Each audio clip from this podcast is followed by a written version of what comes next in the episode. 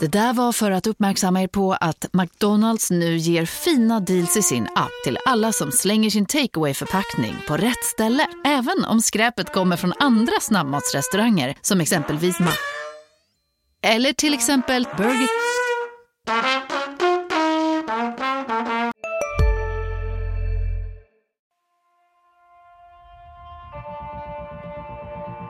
De kan skriva mina citat innan jag ens säger dem. Så eh, där har vi en dialog.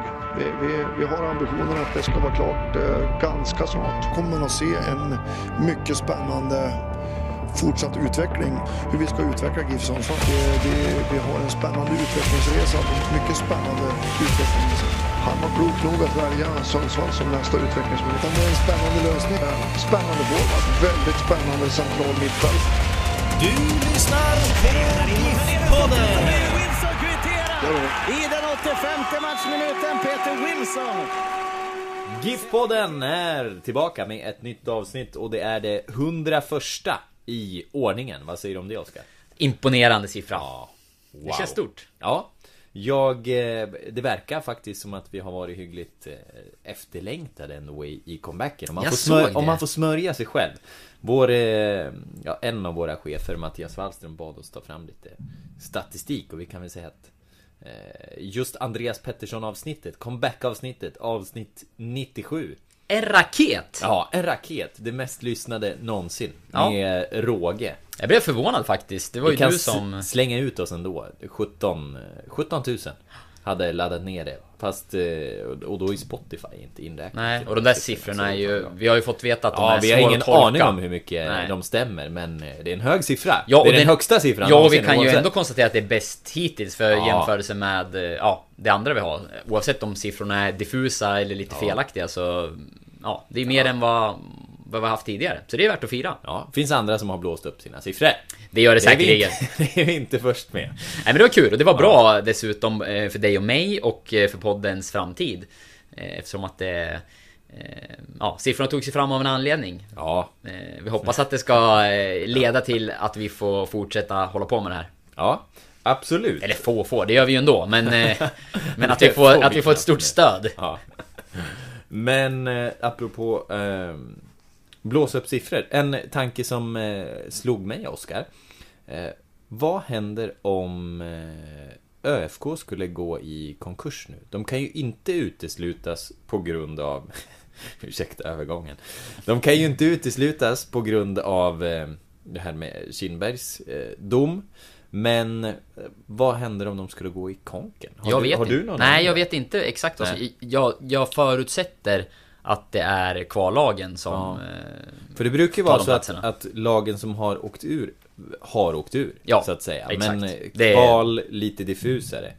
Eh, I nuläget ser det ut att vara Brage då i så fall, som får det. Ja, i och med att de ligger under i halvlek Ja. ja. Mm. Eh, Men det är 90 utan minuter kvar. Du tog mig verkligen på sängen nu för det är inget jag har kollat upp Men Ja. så tror jag att det är Ja. Eh, Hade det skett under säsongen då är det en annan grej Då ritas ju tabellen om Mm. eh, Och det, det har vi, scenariot har vi ju tittat på förut Ja, det var men, inte bra. Men nu är ju Allsvenskan färdigspelad så att då försvinner ju det Ja. Ja, jag ber om ursäkt för att jag tog dig på sängen. Nej, det gör inget. Får du gärna göra. Det var- Twitt, Ni får väl höra av er till oss, ni som har koll Vi lär väl ta reda på det här i alla fall vi, Ja.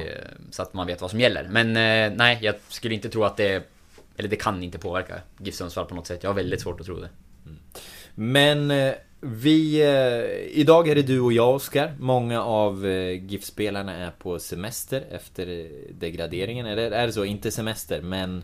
Eh, En veckas ledighet fick de Ja. efter sista matchen och sen återsamlas laget på måndag.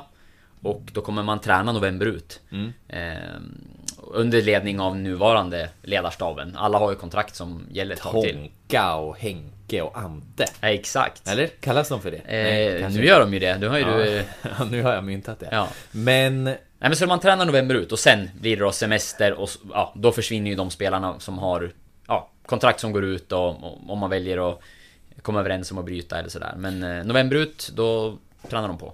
Vi kan väl ändå stanna till lite vid degraderingen. Vi har ju liksom avhandlat mycket känslor och sånt där. Du börjar, du jobbar vidare mycket med liksom det organisatoriska i din eh, Mm. roll som reporter. Vad kommer hända med truppen? Vad händer med alla kontrakten som går ut?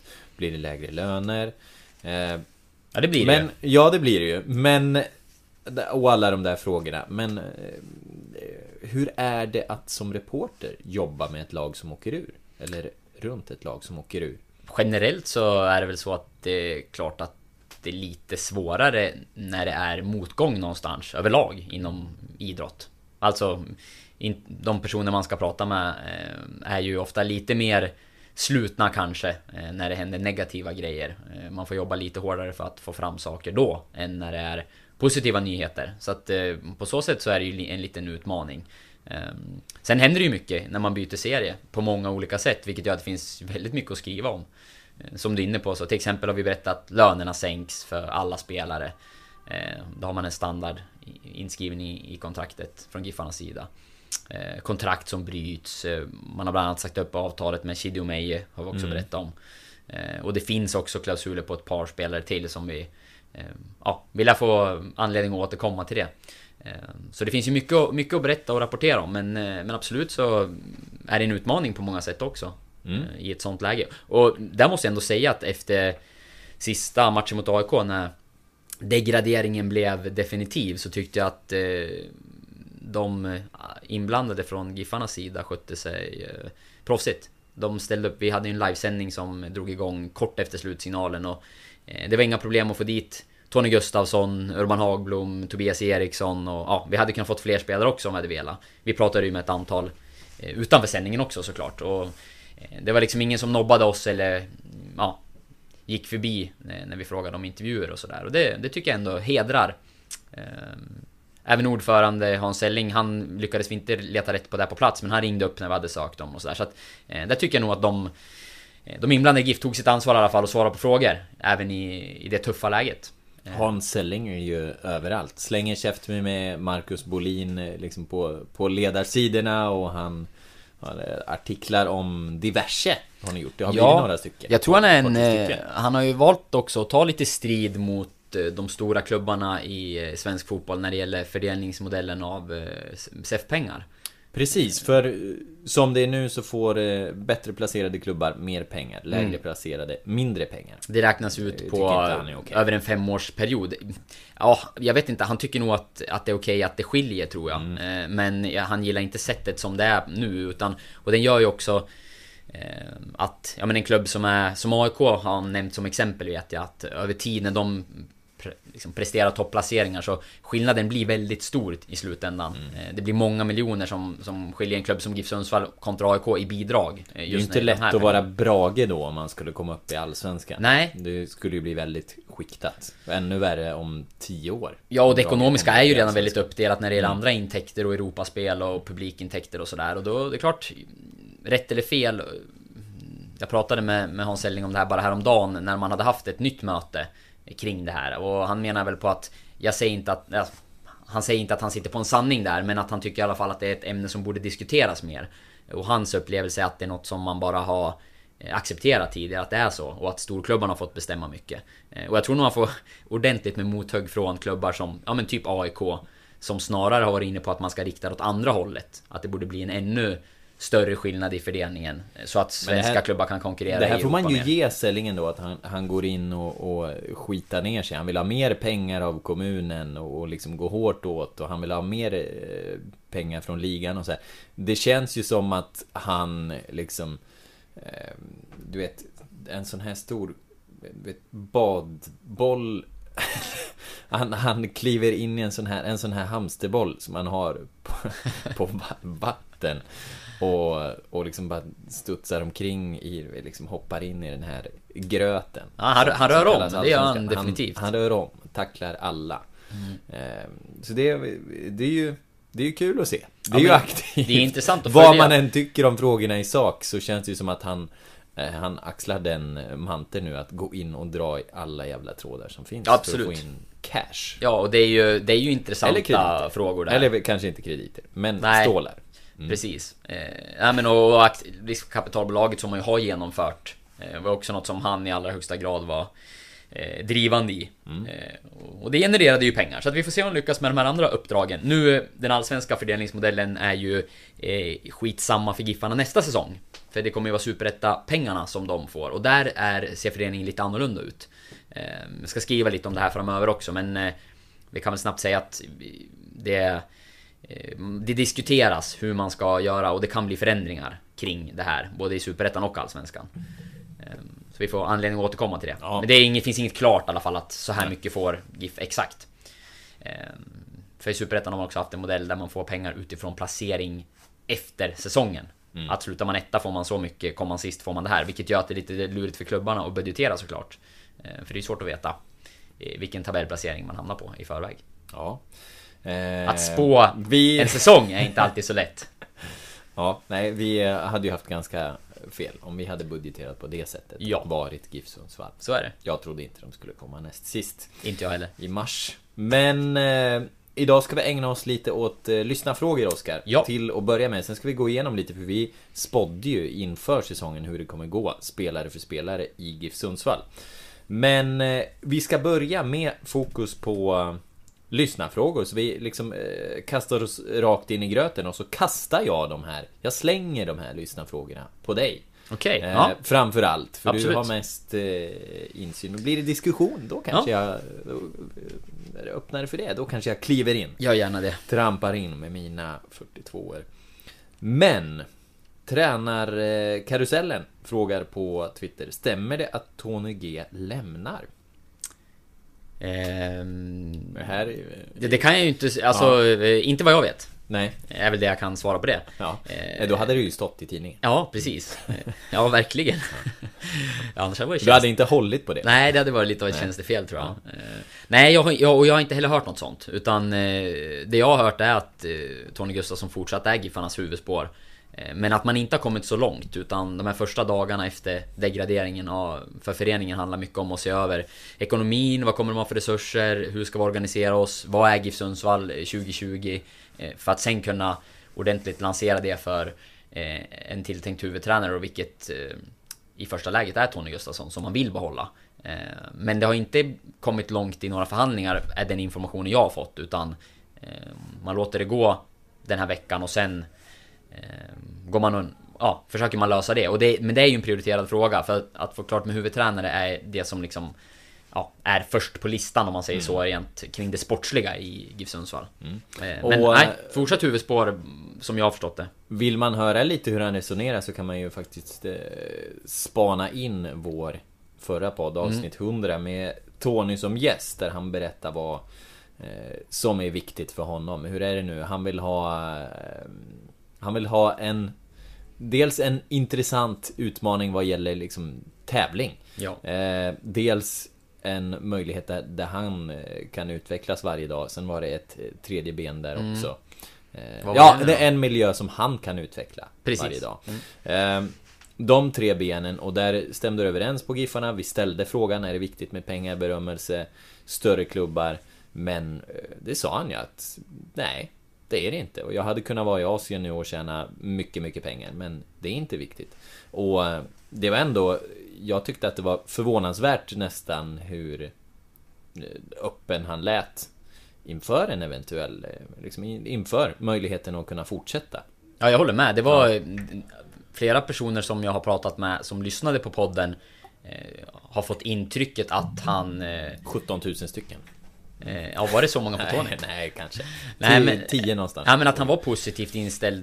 Deras känsla hade varit att kanske inför hört hur han resonerade att det var skulle bli svårt för Giffan att behålla honom framförallt om man åkte ur Allsvenskan. Men att efter att, ha lyssnat så var det flera som hade fått intrycket att eh, ja men han kanske kan tänka sig att stanna ändå. Och det är ju min känsla också utifrån det samtal vi hade med honom här. Att eh, han stänger in, absolut ingen dörr till att om det skulle bli Superettan. Det kändes ju eh, genuint och äkta tyckte jag. För att jag tror också att hade det varit så att han, att Superettan inte var ett alternativ då, jag tror inte ens han hade gett sig in i det resonemanget kanske och Mm. gått igenom vad som var viktigt inför nästa år och hur han tänkte utan eh, Nej, jag tyckte att Ja, men- eh, och- han öppnade en dörr där och... Och det blir ju lite så här om man, om man tittar, vad, vad finns det för andra? Han verkade ju verkligen intresserad av Sverige. Mm. Det var viktigt med familjen, han saknat klimatet i Sverige, hur det är här.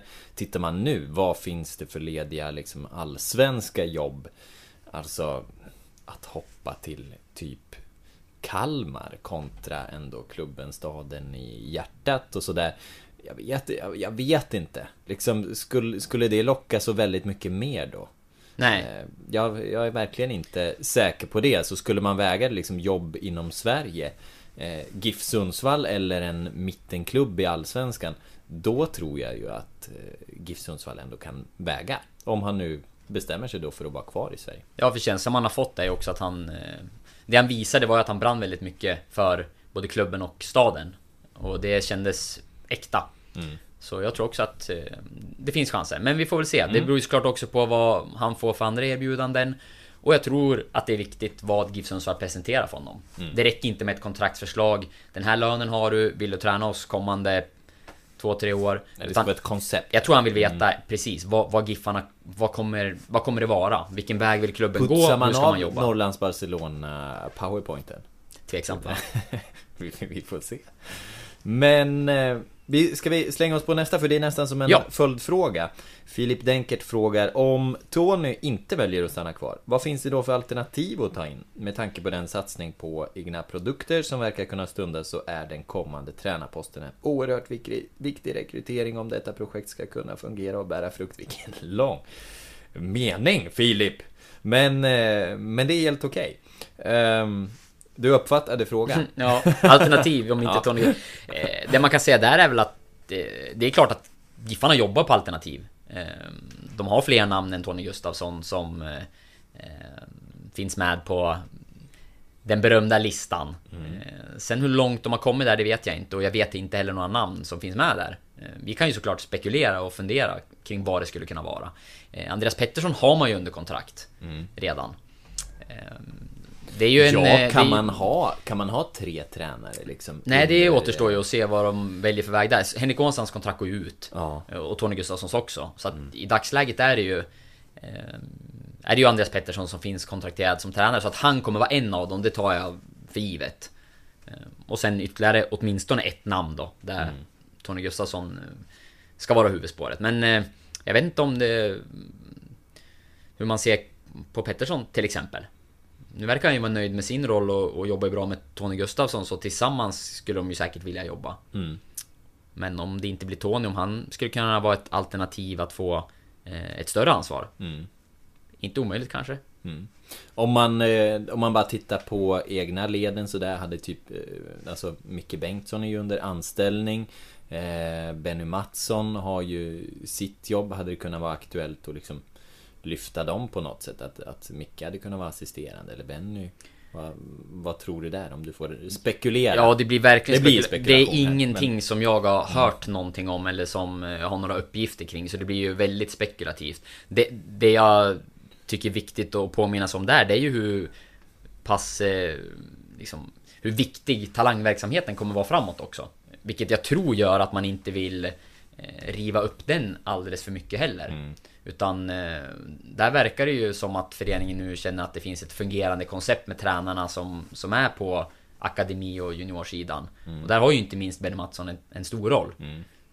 Eh, Så då mm, kan det nog vara så att man vill fortsätta på det sättet. För att inte förändra för mycket där. Mm. Eh, För det är ju det som ska någonstans generera spelare till eh, A-laget över tid. Han verkar trivas väldigt bra i sin roll och bilden man får är att det fungerar på ett bra sätt. Så det är väl någonting som talar emot kanske. Det som talar för är väl att det är en eh, personer som i så fall har väldigt bra koll på spelarna som finns från de egna leden. Och på klubben GIF Sundsvall. Det återstår ju att se också lite då vad, vad arbetsbeskrivningen kommer bli. Ja. Liksom. Ska, det, ska det vara ett kortsiktigt, vi ska upp igen, eller ska det vara ett långsiktigt? Det lutar väl åt långsiktigt då. Ehm, Så, så känns det lite olika. Jag, tror liksom inte att det blir Peter Svärd eller Tor-Arne Fredheim direkt som, Nej. som, eh, som man tar in. Utan eh, Nej men så det tycker jag att det ska vara vara. rekrytering med eftertanke. Ja, och tränaren ska rekryteras ut efter vilket sätt man vill jobba på. Det var, det var helt rätt att ta Tony Gustafsson i läget som GIF Sundsvall var i under säsongen.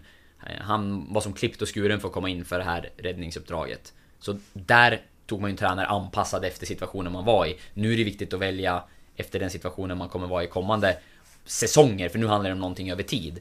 Eh, och jag tycker det är rimligt att Tony Gustafsson är första alternativet eh, man går för. Men blir det inte han så... Ja, det, det är att rekrytera men det, det är, jag tycker det är svårt också att vara så... Eh, spekulera allt för mycket när man inte har hört några namn nämnas riktigt och Eh, I ärlighetens namn, det dyker inte upp så många namn i huvudet på mig när man funderar kring det här. Magnus Persson blev nyligen eh, arbetsbefriad, eller gjorde sig arbetsbefriad Ja. från Kalmar. Jag vet inte vad... Om, om du får tänka, hade han varit, hade han varit intressant? Eh, ja, ja, nej, jag vet inte. Nej. Det är ingenting jag känner spontant att jag personligen eh, går igång en massa på i Nej. alla fall. Gör du det? Eh, nej, han har väl sina meriter men det här var ju inget Det här var ju inget bra år med Kalmar förstås. Sen vet man ju inte mycket, det verkar vara mycket eh, skit att röra i den klubben just nu. Så att det, det kanske är en svår arbetsmiljö och, och en massa sidor där som Som eh, inte har kommit fram. Så man eh, Man ska väl inte säga för mycket heller men Nej, det Jag kittlas inte spontant sen. Då hade det varit mer intressant att se Tycker jag, vad hur hade det varit att lyfta fram Till exempel Andreas Pettersson? Jag vet inte. Men eh, eh spontant sådär Andreas Pettersson, Henrik Ånstrand. Nu har inte jag sett dem riktigt i omklädningsrumsmiljön Hur de är.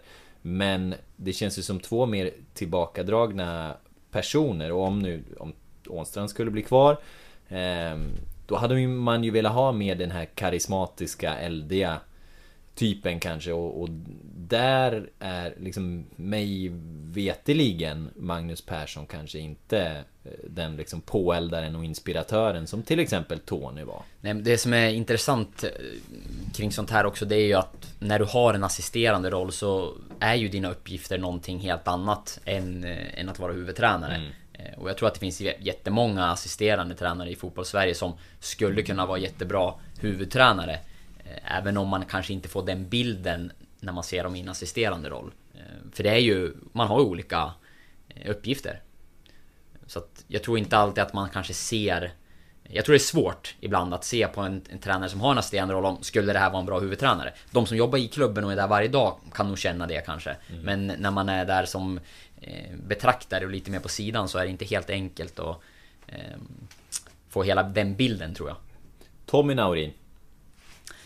det hade ju varit... Det Ja, hade varit från ingenstans. Nej, men han, eh, det är ju absolut potential till att vara en framtida tränare om det är den vägen han vill gå. Enligt GP var han ju aktuell för sportchefsjobbet i Örgryte. Jag tror nog att eh, eh, Nu håller de ju på att jobba med, på organisationen i GIF Sundsvall men, men vilken roll eh, han ska ha i framtiden Det är nog en fråga som man diskuterar och funderar kring. Ehm, Och Tommy Naurin skulle ju kunna fungera i ganska många olika roller Det har han ju visat nu för han har ju så funnits på kontoret på marknadssidan Han har varit players manager, han har varit assisterande sportchef eh, Han har varit målvaktstränare så att Sån bred portfölj. Ja men verkligen, och, och lite så måste väl en klubb som GIF Sundsvall jobba, inte minst nu i Superettan. Eh, då är ju en sån som han väldigt nyttig att ha.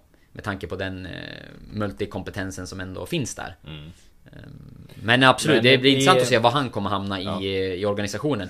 Tränare på sikt, om han vill det. Ja. Det tror jag han hade passat Men bra som. eftersom vi är så okonkreta i den frågan ska vi gå vidare från den. Också Filip Denkert här. Eh, när förväntas Giffarna ha klart med ny tränare?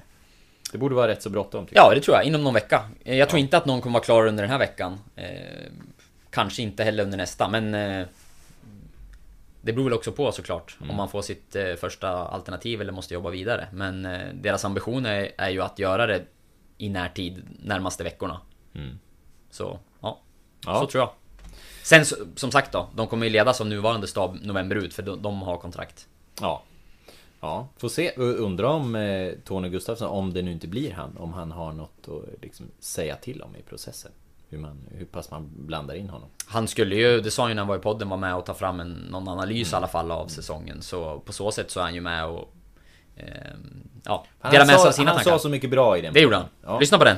Eh, Erik Appelberg frågar, för nu, eh, du skrev en artikel här om att eh, Giffarna kommer satsa mer ungt och man slopar lärlingskontrakten. Ja. Eh, kul grej, man skriver A-lagskontrakt direkt istället. Och då frågar ju han, apropå det, vem av de unga talangerna GIF förfogar över tror ni mest på inför nästa säsong? Någon som har chans på en startplats? Ja, det tror jag. Eh, Du räknade ju upp ett, eh, ett gäng namn där, vi Mm. kanske ska repetera dem också för poddens lyssnare. Ja, nu hade jag ju med, med Paja Pitska som har varit med Mm. som ren, eh, riktig A-lagsspelare kan man väl kalla det, redan i år. Eh, sen Ludvig Novik, Det är väl den som kommer underifrån upp framförallt som inte har varit med så mycket nu. har han ens fyllt 16? Nej precis, han är väl... Har, 16 kanske Man är nog yngst av dem i alla fall. Spelar ju Franzéns landslag. Ja. Albin Palmlöv som ju har debuterat. Albin Ekström, Jesper Karlström. Eh, det var de va? Theodor Stenshagen Mm. Eh, ja, har ju varit med ja. också. Ja.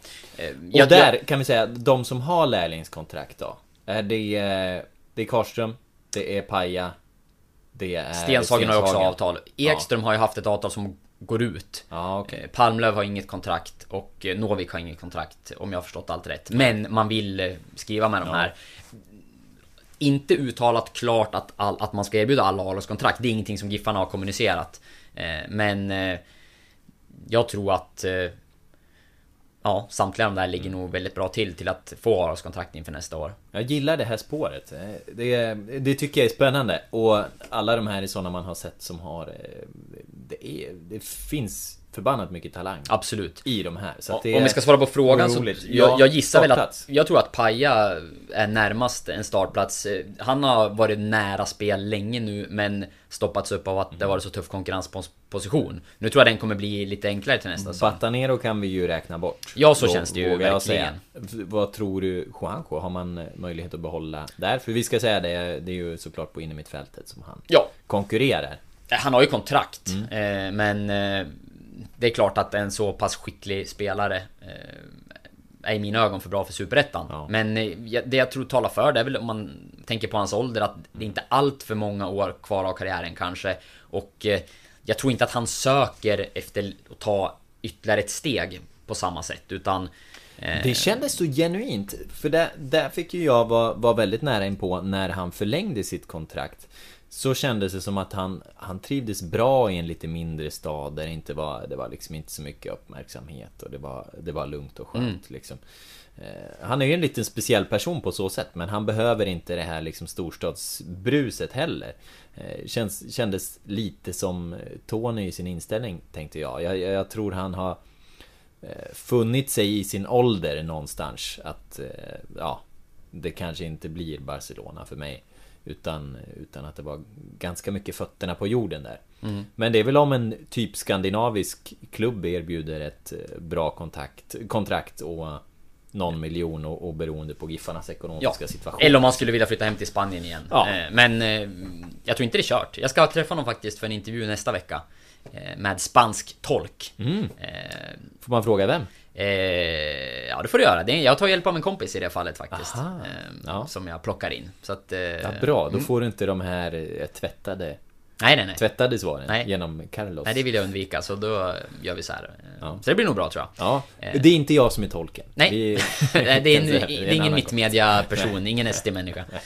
Eh, Det är en god vän. Ja, Så det, det blir intressant, så jag kan återkomma i ämnet då. Men jag säger paja, sen tror jag att flera av dem kommer få Ja. speltid.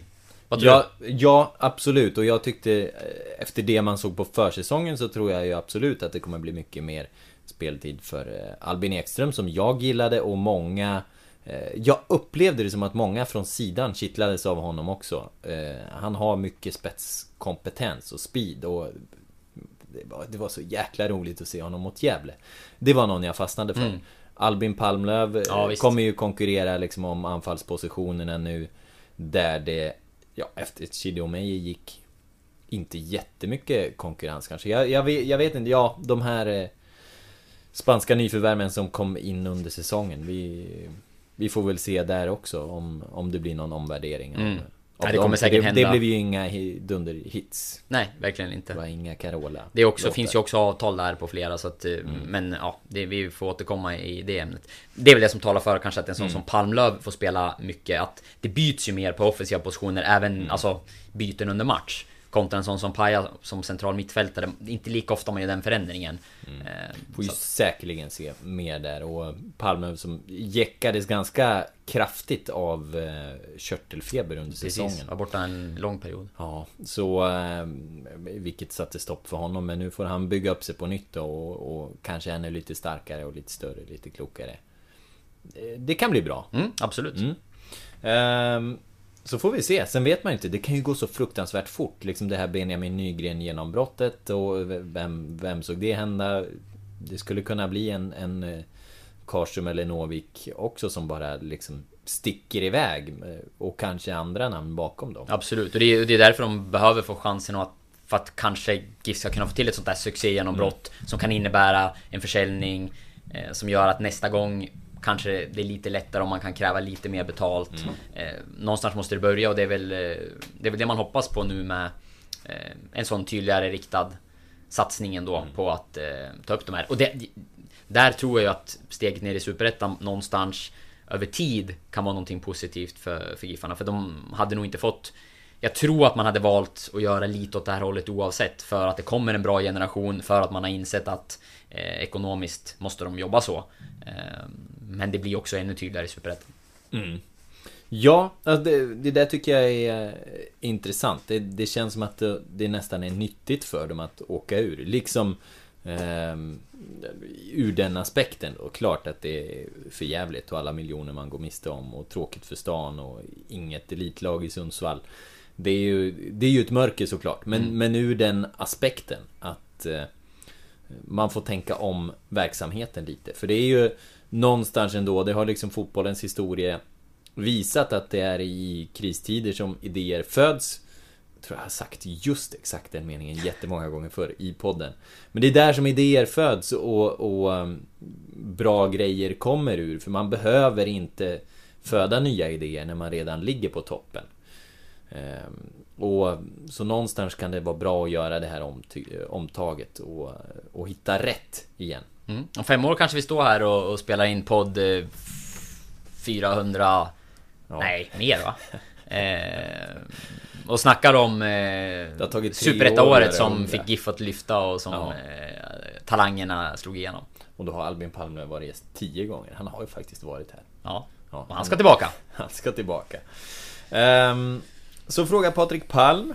Eh, vad tror ni om att ta tillbaka Joel som huvudtränare igen nu när vi står inför en nystart? Hypotetiskt resonemang såklart eftersom det eventuellt skulle vara mycket känsloladdat. Men hypotetiska, det har vi ju inget problem med att vara. Nej, om man ska vara realistisk så, så tror jag inte att det kommer hända. Men om man ska vara hypotetisk så, vi har ju faktiskt varit inne redan eh, för eh, två avsnitt sen va? På att eh, Joel Serien skulle kunna vara en person som passar bra in i Giffarna på något sätt. Då snackade vi inte om huvudtränare, utan vi såg mer framför oss kanske jobba med akademin eller med andra frågor. Eh, ha en annan roll i klubben. Någon form av övergripande, Ja. liksom, nestor. Ja. Och eh, det tror jag Det är inte alla som har nestor på Nej, det är fint alltså. Eh, huvudtränare, hypotetiskt, det, det blir svårt att eh, tänka kring det. Jag tror ju inte att det kommer hända, men... Eh, ja, Ja, nej, jag, alltså... jag tror inte Utifrån det. att han gillar att jobba liksom med projekt och, och se bygga någonting Hade han säkert eh, gillat. Eh, om, vi, om vi tar bort all historik och tänker att Han kommer in här och nu som, som tränare så tror jag att Han hade gillat ett projekt Där det fanns en tydlig vision och plan och att nu ska vi jobba på det här sättet och man kanske också hade en struktur för hur man skulle använda sina egna spelare och eh, riktlinjer och, Och nu hur man ska bygga ett spel. också, det tror jag han hade gillat. Tidigare har ju han haft väldigt mycket inflytande i känslan jag har haft. Att han har fått bestämma lite, dra i trådarna. Eh, nu har klubben också någonting att sätta emot. Ja, men så här ser verkligheten ut med ekonomin. Eh, vi måste ha det här konceptet med unga spelare. Hur det hade blivit där när, när de två sidorna sen får mötas. För han har ju faktiskt varit ganska duktig på, i arbetet med talanger och liksom har varit med när Emil Forsberg har kommit fram och, och många fler runt omkring honom. Eh, så, ja, det, det, hade, det hade kanske inte varit så illa egentligen. Men eh, just det att eh, då får man börja om med en, en helt annan premiss. Ja, det är, det är tudelat där kring Joel tycker jag. För som du säger, han har verkligen varit duktig att få fram eh, och utveckla spelare. Om vi tittar över tid så är det många som har tagit steg, tycker jag, eh, under hans ledning och blivit bra fotbollsspelare. Eh, Unga och även sådana som kanske fått en ny kick i karriären. Ehm, Sen ska de breaka i A-laget också. Och samtidigt då som i år har fram, kanske framförallt, men även under förra året varit en del kritik mot att för få egna produkter har släppts fram. Eh, så det är ju lite... Ja, det är lite tudelat kring det där. Men då hade ju som du säger de här riktlinjerna, om det finns en tydlighet från föreningen att eh, Ja men vi kanske accepterar att man inte tar sig upp i Allsvenskan men vi ska åtminstone eh, låta så här många talanger debutera under året eller truppen ska innehålla så här många egna mm. spelare. Eh, och att det är vikt, ja, mm. viktigast. Mm. Eller åtminstone värderas väldigt högt. Ja. Då kanske det hade sett annorlunda ut. Ja. Eh, vi ska vidare. Eh, det, är några, det är några frågor till. Ja, då får vi gasa på. Ja, det ska vi göra. Handsome Devil frågar, verkar som om Urban inte tar något ansvar för degradering, detta efter att han nämnde innan han kastade Joel under bussen, känsloladdad fråga. Eh, att truppen inte presterade var hans ansvar. Är det rimligt att han sitter kvar? Nu fattade jag inte riktigt frågan, Nej. alltså att det var Joels ansvar att truppen inte presterade? Ja, så uppfattar jag det. Eh, det är det väl någonstans. Eh, ja. Att eh, huvudtränarens största ansvar är väl att få det den spelargruppen man har att prestera det som de har kapacitet till. Det här kändes ju, tycker jag, som en, en för bra trupp för att åka ur med. Absolut. Så... Sen eh, finns det ju, miss, tycker jag, att man har gjort misstag i rekryteringar. Eh, om vi tittar till exempel under säsongen har vi ju mm, några som inte slog väl ut. Eh, man sålde spelare som var viktiga. I några fall kanske man var mer eller mindre tvingad men det är fortfarande beslut som tas. Någon spelare kanske ska blivit såld innan säsongen med tanke på hur resultatet blev. Så att absolut har det gjorts misstag. Ehm, men, eh, jag, jag... Men vi har liksom, eh, som, som han hyllades inför säsongen i hur, hur laget var byggt och sen gick det inte nu att förädla. Jag, jag tycker ändå, jag tycker det är rimligt och jag, att han är kvar. Men jag, tänker... jag, jag, jag, tror på kontinuitet. Men det jag, i frågan som jag funderar kring, det är just det kopplingen mm. Joel-Urban. I, I det fallet vet jag inte om jag tycker att det är något som spelar in i någon högre... Jag, jag vet inte om jag riktigt, om jag missförstår frågan lite grann, men eh, jag tycker ju att det är rimligt. Har du också valt att bli egen? Då är det viktigt att skaffa en bra företagsförsäkring. Hos oss är alla småföretag stora och inga frågor för små. Swedeas företagsförsäkring är anpassad för mindre företag och täcker även sånt som din hemförsäkring inte täcker. Gå in på swedea.se företag och jämför själv. Hej, Synoptik här. Så här års är det extra viktigt att du skyddar dina ögon mot solens skadliga strålar. Därför får du just nu 50% på ett par solglasögon i din styrka när du köper glasögon hos oss på Synoptik. Boka tid och läs mer på synoptik.se. Välkommen! Att det är tränaren som ska få spelartruppen att prestera max, men jag tycker också att sportchefen har ett stort ansvar i, eh, i truppen som man som man sätter ihop. Det är väl någonstans huvudtränare och sportchef som kring det sportsliga har eh, huvudansvaret. Mm. Men eh, ja, och, och eh, men liksom tittar man på det här också, vissa spelare har vi inte känt igen från förra säsongen. Batanero till exempel. Tamimi var betydligt bättre förra säsongen. Och sånt där. Det tog, kändes som det tog tid innan Paconate fick det att lossna och det var... Det var många sådana delar. Så att, ja. Ja, och, det jag, och det jag tycker när det gäller värvningar och kritik att eh, vi här och många med oss var ju väldigt positiva till den silly som gjordes eh, i vintras. Inför säsongen. Mm. Eh, och då eh, tycker jag att eh, en del av kritiken efteråt blir lite... Det blir lite pajigt. Om man, om man själv har stått och, och hyllat och tyckt att det här mm. är bra jobbat och det här är spelare som kommer tillföra och alla har haft den bilden och sen blir det mm. inte så. Mm. Eh, då allt går ju inte heller att förutse. Och jag tycker att många av värvningarna, det mesta egentligen inför säsongen eh, gjordes på ett rätt bra sätt. Hur man byggde truppen och sådär. Sen finns det saker som, ja, vi var inne på, Batanero med ett utgående kontrakt. Skulle man ha jobbat ännu hårdare för att sälja honom eh, i vintras kanske? Eller åtminstone sett till att dialogen där blev ännu bättre så att han eh, hade eh, ja, mått ännu bättre och presterat på en mm. ännu högre nivå under säsongen. Ja, mm. det, det, är mycket... Det vi finns ska, mycket att diskutera ja, men, ja. men, men vi, ska, vi ska snabba på lite grann för vi ska ju gå igenom vår profetia också. Eh, samma person undrar eh, om ekonomin. Ja, hur kommer det sig att ekonomin alltid är usel och hur mycket har man satsat av kommande års budget för att hänga kvar och ta del av det lukrativa nya TV-avtalet? Där kan vi förstås inte svara i Nej. siffror hur det ser ut. Eh, hur Det vi kan kommer det säga- sig att den alltid är usel? Ja. Vi har ju, det har vi, det har vi ju pratat om Egentligen, de hade ju bland annat budgeterat för spelarförsäljningar. Det Ja. är en svår grej att göra, men i publiksnitt har de ju faktiskt höjt sig. Eh, och de här bitarna, så att... Eh, Men det, kostnaderna har ju varit för höga Mm. eh, och, och intäkterna då såklart för Mm. låga. Mm. Man kommer att skära ner. Det kommer Mm. vara en billigare spelartrupp per automatik i Superettan. Men det kommer behöva skäras ner på, på fler håll och kanter också. Mm. Eh, I år kommer det enligt Giffarna själva bli ett plusresultat.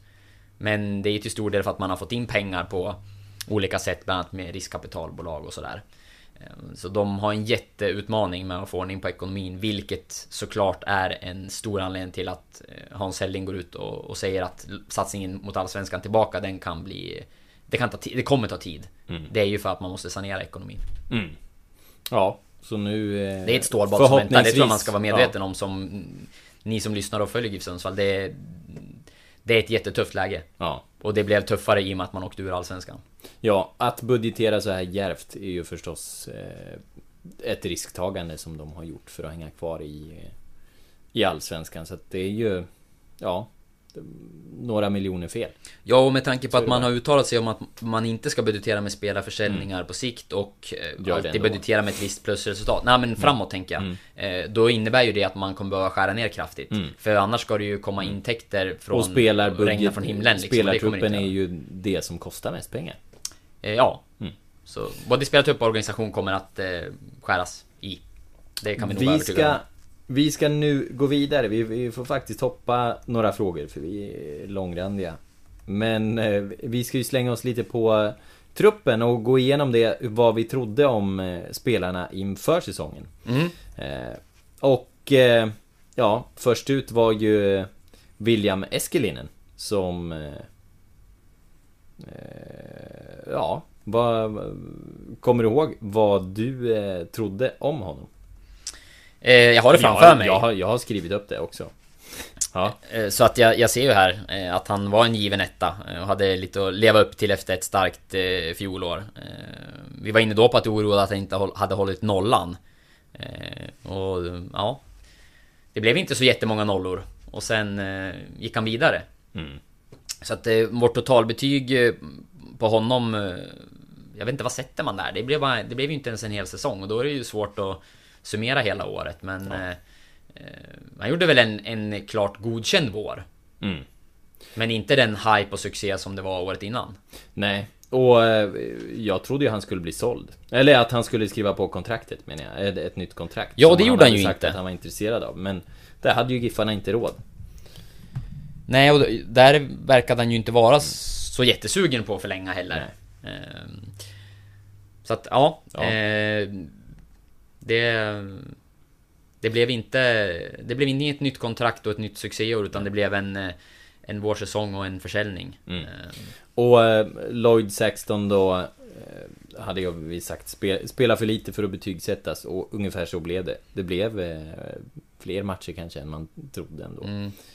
Han såg ut att få chansen där eh, Och kanske ja, under ännu fler matcher också än vad det blev Men eh, där var ju GIF ändå rätt snabba att få in David Mitom Nilsson som stod Under höstsäsongen Mm. Ehm, Så att eh, något, stor, något eh, totalbetyg på, på Lloyd är väl samma där Ja. Eh, han fick, Men han fick dock Göra fler ingripanden än vad vi, vi trodde att han skulle göra Mm. Sen har vi i backlinjen Alexander Blomqvist. Där vi, eh, vi båda trodde att det blir en 3 plus säsong. Vi var inne på att han får en tuff eh, period att spela in sig och eh, smälta in i ett GIF med lite offensivare balans. Ja, eh, och vi visste att klubben trodde mycket på honom och att tränarna ville använda sig av honom och det, det syntes ju. Han fick ju chanser inledningsvis. Eh, till någon match på bekostnad av till exempel Erik Björkander, vilket jag eh, kan ställa mig frågande till. Eh, inte minst i efterhand. Eh, men eh, när vi kommer till Björkander så kommer vi se det också att vi kände på oss där att någonstans har det funnits lite grann Ja men han har fått kämpa för att få spela hela tiden även när han har varit bra, tycker jag. Mm, mm. Eh, Och jag tycker att han har blivit lite felaktigt åsidosatt ett antal gånger under den här säsongen. Inte bara av Alexander Blomqvist. eh, Utan av andra spelare också. Men, eh, ja, men tuff debutsäsong för Blomqvist. Ja. i, i Giffarna. Det, jag tror han kan bli rätt viktig nästa år i Superettan. Eh, Han har ju kontrakt Mm. och, och lär bli kvar. Eh, Men eh, första året i GIF, det var, det var rätt tufft. Ja. Ja, det blev, det blev inte alls eh, så bra som, som jag trodde. Det kändes som att den här akklimatiseringsperioden den, den fortsatte i hela säsongen och det kändes aldrig helt eh, tryggt. Utan det var en del situationer han var inblandad i. Dessutom Så- skadedrabbad under delar av året också. Ja. Eh, Stenshagen trodde vi inte skulle få spela så mycket. Så blev det. Det blev ingenting. Men eh, Paconate då. Kom med höga förväntningar på sig. Mm. Där trodde vi att vi skulle få sätta höga betyg efter säsongen. ja. Fyra plus har vi satt. Ja, och det tycker jag inte att man landar på. Nej. Det blir ju generellt låga betyg efter en eh, svag sportslig säsong. Såklart. Mm. Eh, och han är ju en av spelarna som eh, jag hade ännu högre förväntningar på. Ja. Nej, jag med. Absolut. Eh, jag tycker absolut att han eh, spelade upp sig, men eh, det här samarbetet med Dari som vi hoppades mycket på blev ju inte heller av när Dari gick skadad och så. Där hade man ju sett många fina intentioner på försäsongen, eller i de få matcher som gavs.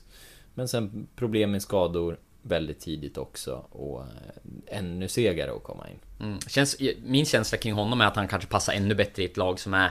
Eh, han hade passat bra i GIF Sundsvall 2018. Mm. När det gick ännu bättre. När man var ännu mer spelförande och skapade ännu mer lägen och, och lyckades mer med sitt anfallsspel. Eh, än i år. När det blev mer eh, defensiva situationer kanske. Och Mm. eh, där man blev straffade. Så ja, min känsla är att under 2018 tror jag han hade varit, passat väldigt bra i GIF. Ja. Eh, I år så inte lika bra. Men som du säger, det, det är ingen dålig fotbollsspelare. Men det blev inte den succé som eh, vi hade eh, Förutspått. förutspått. David Myrestam då? Där... eh, Här har jag inte med något betyg i mitt dokument. Men när vi... Två plus har vi skrivit. Ja, när vi gjorde vår pro profetia hade han precis blivit frisk. Men vi trodde han skulle få det tufft i alla fall och bli lite reservalternativ som både mittback och wingback. Ja, han fick ju efter en skadefylld försäsong spela tidigt. Eh, Succéstart ja, vi- då. Exakt. I segern mot Malmö. Ja. va? Och sen, eh, ja, spelade även mot Djurgården borta i premiären. Eh, Men sen haft stora skadeproblem. Vilket gör att hans säsong har blivit väldigt hackig. Kom tillbaka och fick vara med i truppen här på slutet av säsongen. Svårt att sätta ett totalbetyg. Jag tycker väl att det landar någonstans kanske på... Det kanske blir högre utifrån det han spe, presterade när han väl spelade. För det var ju bra. Mm. Men problemet är väl att det blev så lite spel på grund av eh, skadefrånvaro. Ja. Så då kanske man har svårt att nå det där högre betyget. Men eh, jag är faktiskt imponerad av det David Myrstam presterade när han väl spelade. Mm. Där tycker jag någonstans att han överträffade eh, förväntningar som jag hade inför säsongen i alla fall. Mm. Absolut. Sen hade vi Björkander, där vi var lite oense. Du satte lite lägre betyg. Jag stack ut näsan och trodde att han får en 5 plus säsong. Det här blir hans riktiga genombrott, sa jag. Mm. Ja, och mitt betyg, att jag drog ner det, det grundades ju inte på att jag inte trodde att han hade potentialen till det. Utan att jag förutspådde. Vilket man ändå kanske kan säga att det blev ju rätt så rätt. Mm. Eh, Att tränarna inte skulle köra honom fullt ut. Och det, Mm. det har man ju inte gjort heller. Utan han har varit lite eh, in och ut Det ibland. har varit konstant för hans tid Ja. i Giffarna. Ja, Jag är personligen jätteförvånad när han blev eh, åsidosatt borta mot AFC Eskilstuna, vilket jag tycker var Mm. ett fel beslut av GIF-ledningen. Tony Gustafsson nämnde ju att det var några laguttagningar som han kanske inte var helt nöjd med efterhand och jag tror att det var en. Mm. Eh, Att han, med fast han borde ha spelat Erik Burkander i den matchen. Mm. Eh, Men det hände ju under våren också. Ja. Eh, Så att, eh, ja, han når ju inte det där högsta betyget på grund av det. Nej. Men... eh, Nej, din... Där var ju ditt tips lite bättre än mitt. Det får vi säga.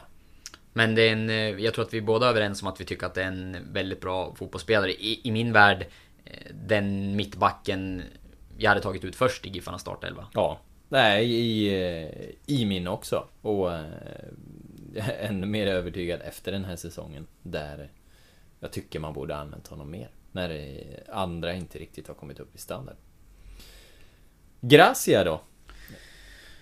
Där, där var du inne på 5 plus och jag hade 4 plus. Ja, Nej, och då tycker jag att du har mer rätt än, eh, än vad jag hade. Jag har väl rätt i att han skulle spela varenda match Ingen, hela ingen tiden. back kan kanske få 5 plus den här säsongen. Nej, så är det ju. Eh, nej, men han har spelat hela tiden, varit lagkapten och... Eh, eh, ja, en nyckelspelare på, på så sätt och ger ju alltid allt.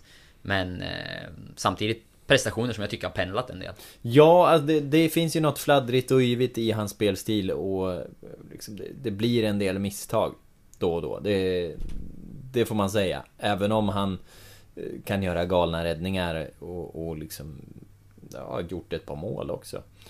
Så, nej. eh, Jag håller med och någonstans så här, det, det blir svårt att gå över 3 plus någonstans för, för någon.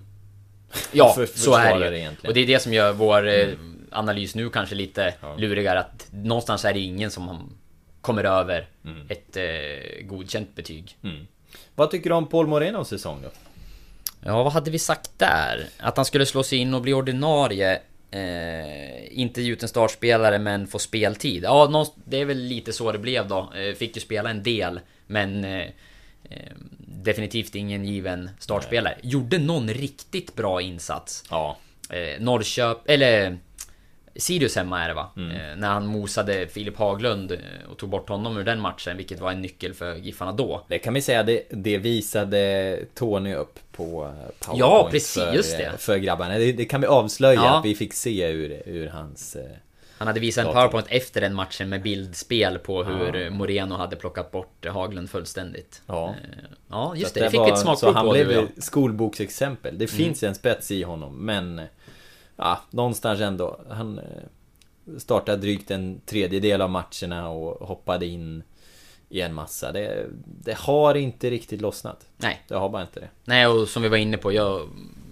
Eskilstuna borta, då hade man gärna sett Erik Brukander på planen istället. Det är ju det där huvudspelet som kanske några av GIFs mittbackar saknar annars. eh, Som man kan eh, komma in med en extra edge. Men Sen, eh, sen trodde jag på ett jättegenombrott för Jonathan Tamimi här. Nu, nu blir det en 5 plus säsong. Här, här chockade jag Oskar. Mm. Eh, där tog du ner mig på jorden. Du tyckte... eh, Ja... Det krävs, det krävs någonting speciellt. Något extra om han blir en 5-plussare. Och jag vet, du, du fick mer rätt än, än mina 5 plus. Han var ju också en av mina mina chansningar eh, i, i den här ja, och man vill ju dra till med någonting och, Ja. och sticka ut. Men... eh, Nej, men Och då kom jag precis från en träning där jag tyckte att han hade dominerat. Ja. Det här Nej. blir hans år kände jag. Nej men han eh, har ju haft en, eh, en tung säsong, tycker jag. Ja, alltså efter, efter åtta poäng i fjol, det var väl ett mål och sju assist. Så jag vet inte hur många assist landade han på den här säsongen. Det var ju bara någon enstaka. Mm. Nej men och det blir såklart också lidande av Mm. att man inte har en Linus Alenius längst fram som löper på allt och är spelbar och, och sätter dit de inlägg som kommer. Men eh, jag tycker också spelmässigt att han har haft ett, eh, precis som många andra, Mm. eh, mycket tyngre säsong än, än året innan.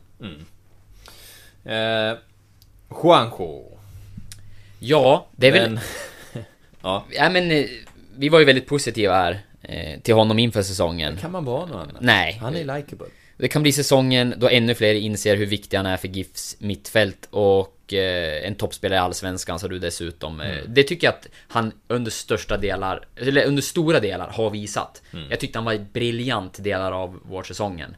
Eh, dominerade några matcher på, på egen hand då.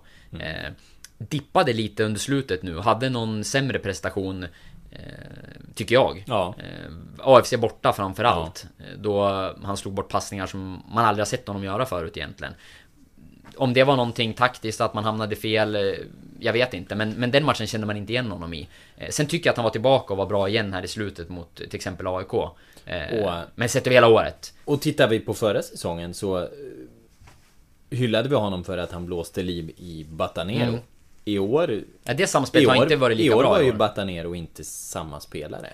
Kan, Nej, och jag tycker kan under det vara delar- någonting i det? Ja, Jag tycker under delar av säsongen att, jag har att du och jag pratade om det, jag vet inte om vi nämnde det i podden eller om det bara var eh, när vi eh, snicksnackade. Men eh, jag, i fjol tyckte jag var väldigt tydligt hur de två gjorde varandra bättre. Mm. Det tycker jag inte att det var den här säsongen.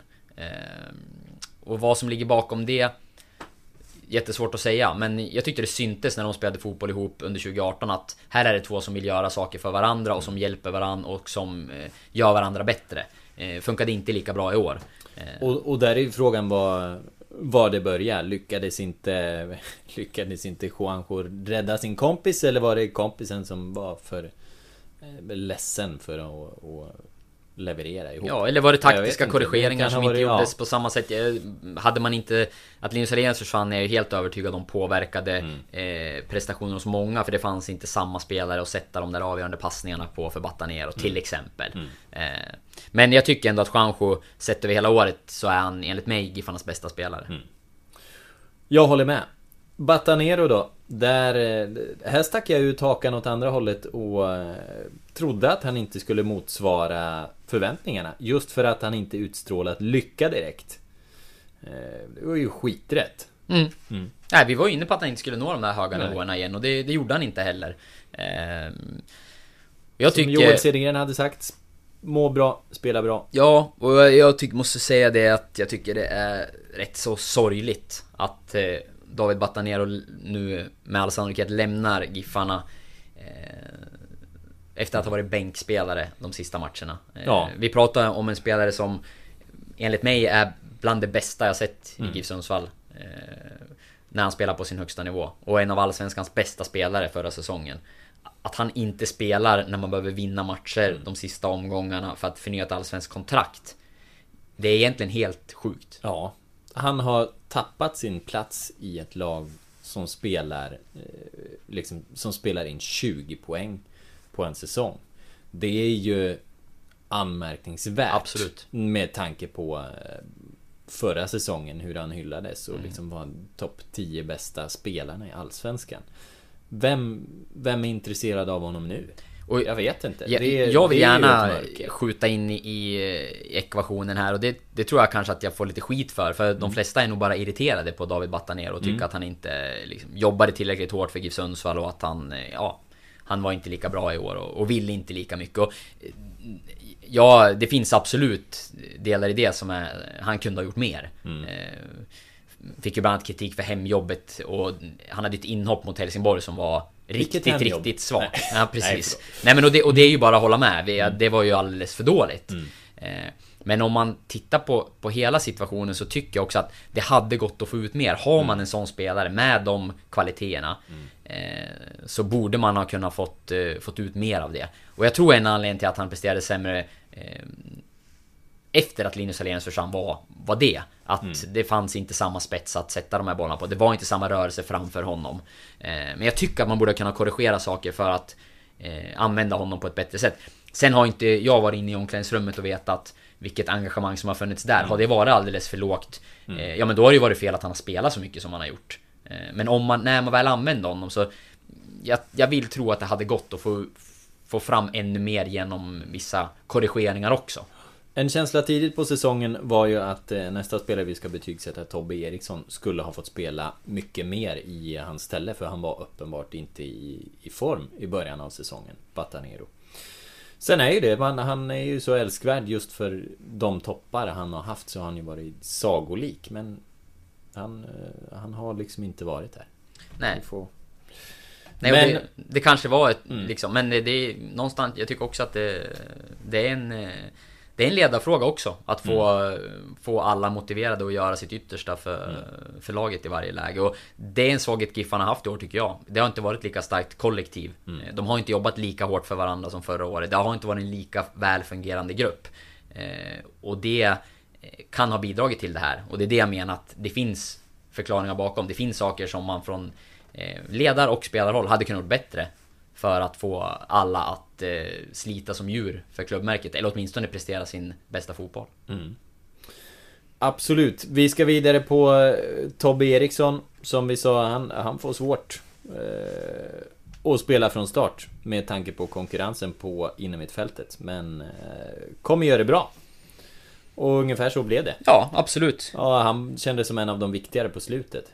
Ja, du var inne på det. Han borde ha fått spela mer. Mm. Eh, det är bara att konstatera att eh, så är fallet. I Superettan kommer han vara... Jag tror han kommer vara viktigast i det här laget. Jag tror han kommer vara... Kanske lagkapten? Ja.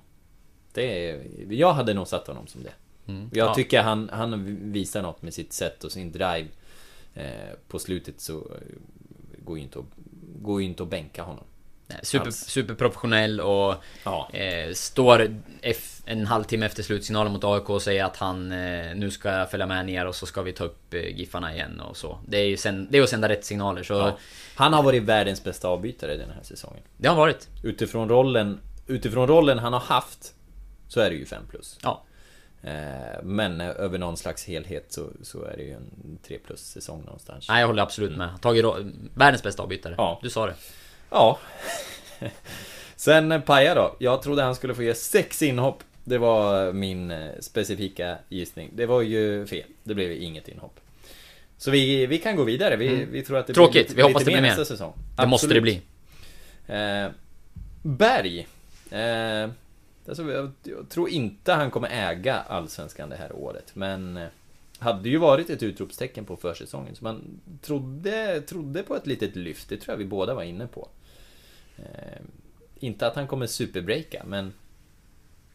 Ja, han fick ändå en ganska viktig roll i laget i slutändan, sett till speltid. Sett till- Absolut, han spelade ju mycket. Ehm, som vi nämnde där, nyttig på det sättet att han stod, står för någonting annat än vad många gör med löpningar och eh, den delen. Men eh, inte samma spets då. Om man jämför honom, kanske gått före andra offensiva alternativ som till exempel Omar Edar i, någon match. Eh, som har en annan offensiv spets när det gäller teknik, passningar, avslut, kreativitet. Eh, Oliver Berg står ju för, för andra delar främst i sitt spel. Ehm, Men eh, jag, jag hade kittlats på slutet av att starta med Berg och eh, Blomberg på varsin kant och ha Batanero som någon, någon släpande och så en djupleds Wilson längst fram. Jag hade, hade gillat de här hård, hårdjobbande kanterna. Jag, hade, jag hade kunnat vara intressant att se. Om Ja, tränarna gillade ska, också Som i uppenbarligen. hockey rollspela lite grann. Ja, nej men just Berg gillade Mm. ju uppenbarligen tränarna för han fick ju mer speltid än vad jag trodde under den Mm. här säsongen. Jag tycker en, i Allsvenskan en nyttig spelare som i vissa matcher kan bidra med mycket Mm. men som inte över 30 omgångar eh, är en startspelare varje match. Mm. Ehm, Skulle kunna vara jättebra i Superettan. Tror jag. Ja, det är nog möjligt. David Haro trodde vi skulle bli en supersub. Ja, Det det, blev inte inte. rätt. Han- Nej. Och där... Eh, jag tror fortfarande att han hade kunnat vara en supersub. Om han hade fått fler chanser. Jag Mm. Ja. tyckte man såg det på träningar och eh, det fanns en spets i honom som eh, inte så många andra hade. Eh, tråkigt. Jag tycker, Ja. jag, tror, jag tycker det var fel att han inte användes mer. Ja, jag med. Vi, eh, vi hade rätt. Synd att ingen annan förstod det. eh, Linus Alenius. Eh, där trodde vi han skulle fortsätta vara en klassanfallare. Mm. Och den stora ledaren. Ja, var, var han det på sin lilla tid? Han hade ju lite, ja men eh, alltså målmässigt vart det ju en... Vi, vi var ju inne på att han skulle vara kvar då hela Ja, säsongen. och det Förstås, trodde man ju med ett femårskontrakt. Ja. Målmässigt gjorde han ju succé under våren. eh, Med sex mål ganska snabbt. Eh, Sen en liten tyngre period och dessutom med en del skadeproblem, vilket syntes också. Mm. Kämpade sig igenom sista tiden och var inte uppe på den högsta nivån spelmässigt som han kan. Men oj så viktig. Eh, Ja. Det är, de sex målen som han hann göra, det hade ju blivit säkert lika många till under hösten. Eh, Det hade räckt tror jag för att eh, Giffarna skulle ha förnyat sitt allsvenska kontrakt. Ja, alltså skillnaden i många kryssmatcher hade det ju varit. Ja. Ett Hallenius mål. Jag tror det och... För nog hade han åtminstone smält dit sex till på en halv säsong till. Det Ja. tror jag. Så det, är, men det är klart det var jättetufft för laget att hantera när han försvann, det syntes. Inte minst tappade man ju den som gick först. eh, Och bar binden och, och var vägvisare. eh, Och hade varit jätteviktig under, under slutet här. Nu, eh, nu tror jag att vi kommer få se honom i GIF Sundsvall igen i framtiden. Mm. Och att han kommer tillbaka och, och gör en bra och viktig sejour i Giffarna innan han, innan han lägger av. Men det är klart, det är en spelare som startar i Europa League ikväll tror jag. När vi Ja. spelar in det här. De har en avgörande match och han har startat de sista fyra matcherna tror jag för laget. Mm. Eh, Och slagit sig in på den nivån. Eh, Andreas Lidén tittar in Ja, han försöker psyka oss tror jag. Fönstret här, försöker psyka oss. Du är på väg iväg. Eh, Ja, vi har fem minuter till. Ja, men då eh, bläddrar vi oss in på eh, Mike Sema. Där vi var inne på att nu skulle han kunna få en liten boost här för han kommer för en gång skull utvilad.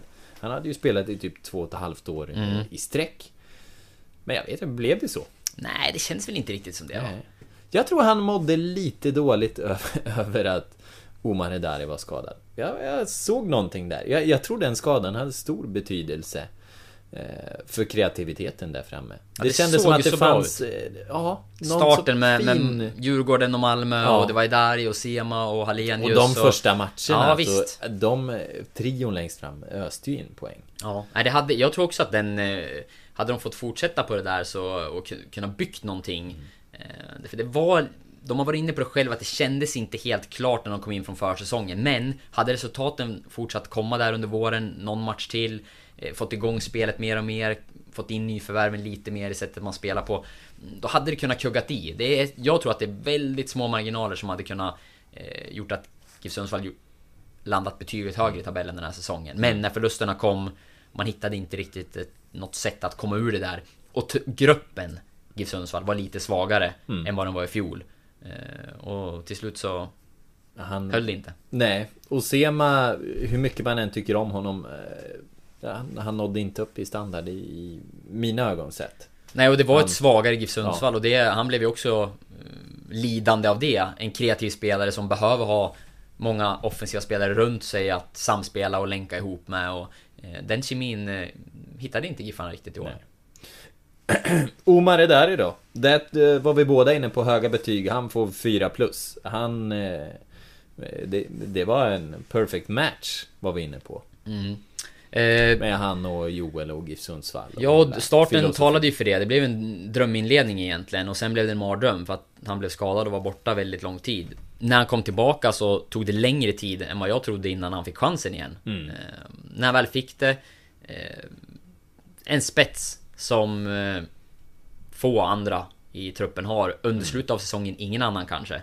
Eh, och, och även om no, prestationerna pendlade lite. Bland annat så hade han en tuff match mot Djurgården. Några defensiva ingripanden som inte blev Ja. helt lyckade.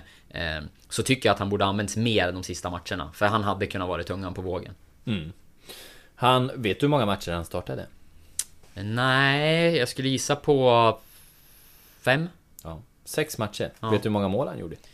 Eh, tre? Ja. Mm. Det är ändå... Det, det är ändå ganska bra. Ja, absolut. det, det lilla han fick så producerade han ändå poäng. Nu var visserligen eh, en del ganska tidigt då, men... Ja. Han, eh, han skulle ju vara en stjärna i Superettan. Ja, Hur är läget med honom? Eh, han, har, han har ett avtal. Ja. Eh, men eh, vi får väl följa upp det. Det Ja. är väl eh, en spelare vars framtid känns ganska osäker här ändå. Mm. Så vi får väl återkomma i den frågan. Ja. Peter Wilson då? Här... Eh, Ja, det blev ju mer speltid än vad man trodde. ja. Eftersom att GIF spelade med en anfallare och det skulle vara Linus Hallenius hela året, trodde vi. Eh, Och sen när Hallenius försvann så värvades Mas Costa in och förväntades bli en startspelare. Eh, Han lyckades inte alls och då blev det ju Wilson-valet, vilket jag tycker var rätt. Jag tycker Peter Wilson var bättre och förtjänade att få spela. Eh, Men... eh, Ja, och gjorde några, några riktigt bra insatser. Norrköping kommer jag ihåg bland annat eh, första halvlek där tyckte han var helt eh, briljant faktiskt. Mm. Eh, men pen, har pendlat och det har blivit för få eh, mål totalt sett. Mm. För en anfallare Ja, som... med Jag vet inte hur all- många matcher han startade till slut men... Men det, det kan vi få fram, för det blev ju fyra mål och det var 19 starter till slut. Mm. Och... eh, Ja, det hade behövts Det är mycket. Det hade Ja. behövts... eh, Vi pratade ju om att Linus Hallenius var borta och det är stora skor att fylla och det tycker jag inte man kan kräva av Wilson. Eh, men eh, det hade behövts tre, fyra mål till Ja. från honom. Ja. Eh, för att GIF skulle förnya kontraktet, så känns Ja. det. Det hade visserligen räckt kanske med ett eller två vid rätt tillfälle, tror, men du, tror du han blir kvar? eh, tveksamt. Ja. Han har ju ett utgående kontrakt och... ehm, det är, jag, jag, har, jag har ingen aning egentligen, men, men nog... Det känns som att det skulle kunna vara ett läge för, för Peter själv att eh, prova någonting. Om man nu vill testa något. För sist när han hade utgående kontrakt tog det ganska lång tid innan han förlängde. Och han kollade ju vad som fanns. Och det var ju lite klubbar intresserade i utlandet. Och jag vet att det har funnits intresse kring honom även på senare tid. Ehm, så den, den känns högst oklar. Ja. Nej, men och eh, med honom då så... Eh, Ja, det vi var inne på, skulle han bara höja produktiviteten 10% Alltså 10% bättre avslut så, så skulle han ju göra så mycket mål. Han kommer ju fortfarande till så mycket lägen. Det är det här Padibba-grejen Och eh, hade han gjort det då eh, Ja, då han hade kunnat, han hade kunnat bli hyllad om det fanns lite mer matchavgörare i honom alltså. Men det skulle det det. Och han ska ju också användas på rätt sätt. Ja, vill jag absolut. Fram. I djupledet. För det, det är där han har spetsen. Ja. Men eh, får han spela på andra sätt och vara mer bollmottagare då... Eh, det behärskar han inte lika bra. Men det, det, du nämner Dibba där, det tycker jag är intressant. För där, där är en spelare som i Superettan slog igenom, eh, började sätta fler av sina chanser, kunde ta med sig det upp till Allsvenskan sen och vidare ut i proffslivet. Det kunde ha varit bra för Peter att kliva ner i Superettan, mm. Få vara första val, Eh, göra 10 plus mål, vilket jag tror att han absolut skulle kunna göra i, i Superettan. Eh, och sen blomma. Mm. Men, eh, Men då tycker jag att både han och eh, GIF Sundsvall ska då vänta tills att tränaren är klar och se. Är det en tränare som vill ha en djupledsgående forward? För det är så viktigt det för honom med de egenskaper han har att välja efter rollen. Och, Absolut. Och ingenting annat. Eller ja, annat också givetvis. Men, ja, nej, men, men det, det måste del. han ja, gå Han ska användas efter. på det sättet för ja. att vara bra. Eh, och den sista då, det här är... Det känns ju mörkt att gå igenom en Shidi Omeje. Ja, tyvärr så blev det ju... Det går inte att... Ja. Nej, det blev något inhopp. Eh, kom tillbaka från sin skada. Fick spela, hoppade in AFC, bland annat nattmatchen. Eh, men sen hade han det väldigt tungt, var utanför laget, utanför truppen. Eh, slogs inte in helt enkelt fotbollsmässigt efter den långa skadeperioden. Vilket kanske inte är så konstigt med tanke på hur länge han hade varit borta. 63 minuter blev det. Det här Nej, året. Tungt år. Vad kommer hända med honom nästa år? Ja, det vi... Jag skrev en artikel där efter sista matchen att uh, vi kunde berätta att GIF har valt att säga upp. Man hade en klausul mm. där som skulle sägas upp före, jag tror det var sista oktober. Uh, och det valde man att göra. Så hans kontrakt som han hade över nästa år gäller inte. Men däremot stäng, har de inte stängt någon dörr för att han kan bli kvar ändå. Mm. Men ja, det är klart Superettan, då blir det andra förutsättningar. Eh, för Giffarnas del också. Eh, och för, för Kiddy själv. Men eh, ja, kontraktet är ju uppsagt så i och med det så är det ju väldigt osäkert om man blir kvar Känns också, det är en post där du behöver spara pengar. Liksom. Det, så kan du ha en chans att spara pengar. Så jag, jag tror också att man får, får fullfölja den linjen, tror jag. Det är synd för jag kände in på försäsongen inför 20 18. Mm. Att eh, det såg väldigt spännande ut. Sjukt likable person. Ja, dessutom. Mm. Honom gillar man. Ja, vi hoppas att det går bra för honom. Vad ja. det nu blir. Om det blir Giffarna eller någonting annat. Men och det är en fotbollsspelare med... Eh, vad är det man brukar säga? Spännande kvaliteter. Jaha. Så i en, i en optimal utvecklingsmiljö så kan han definitivt göra en grym säsong 2020. Ja. Eh, med det Oskar så ska vi runda av. Eh, vi gör det. Det var ju en eh, dryg halvtimme det där. det blir oftast lite längre. Men ja. fortsätt höra av er. Vi vill ha, speciellt nu i silly season tider med tränare och spelare och in och ut och Hör ni någonting, rykten, uppgifter, om ni får reda på något, då hojtar ni till och Kom gärna med åsikter och tankar och funderingar också. Mm. För... Och ju längre silly season lider och kanske framförallt när fönstret öppnar så kommer det här ju också vara ett forum för truppbygge och Absolut. spekulation och det senaste. Men idag just extra fokus på spekulation. Och det är härligt ibland det också. Ja. Eh, den hypotetiska podden avslutar eh, säsongen. Nu börjar vi på säsongen 2020. Nästa vecka. Det gör vi. Ett avsnitt. Mm. Tack för idag. Vad jag förvirrar. Tack för idag. Hej! Hej!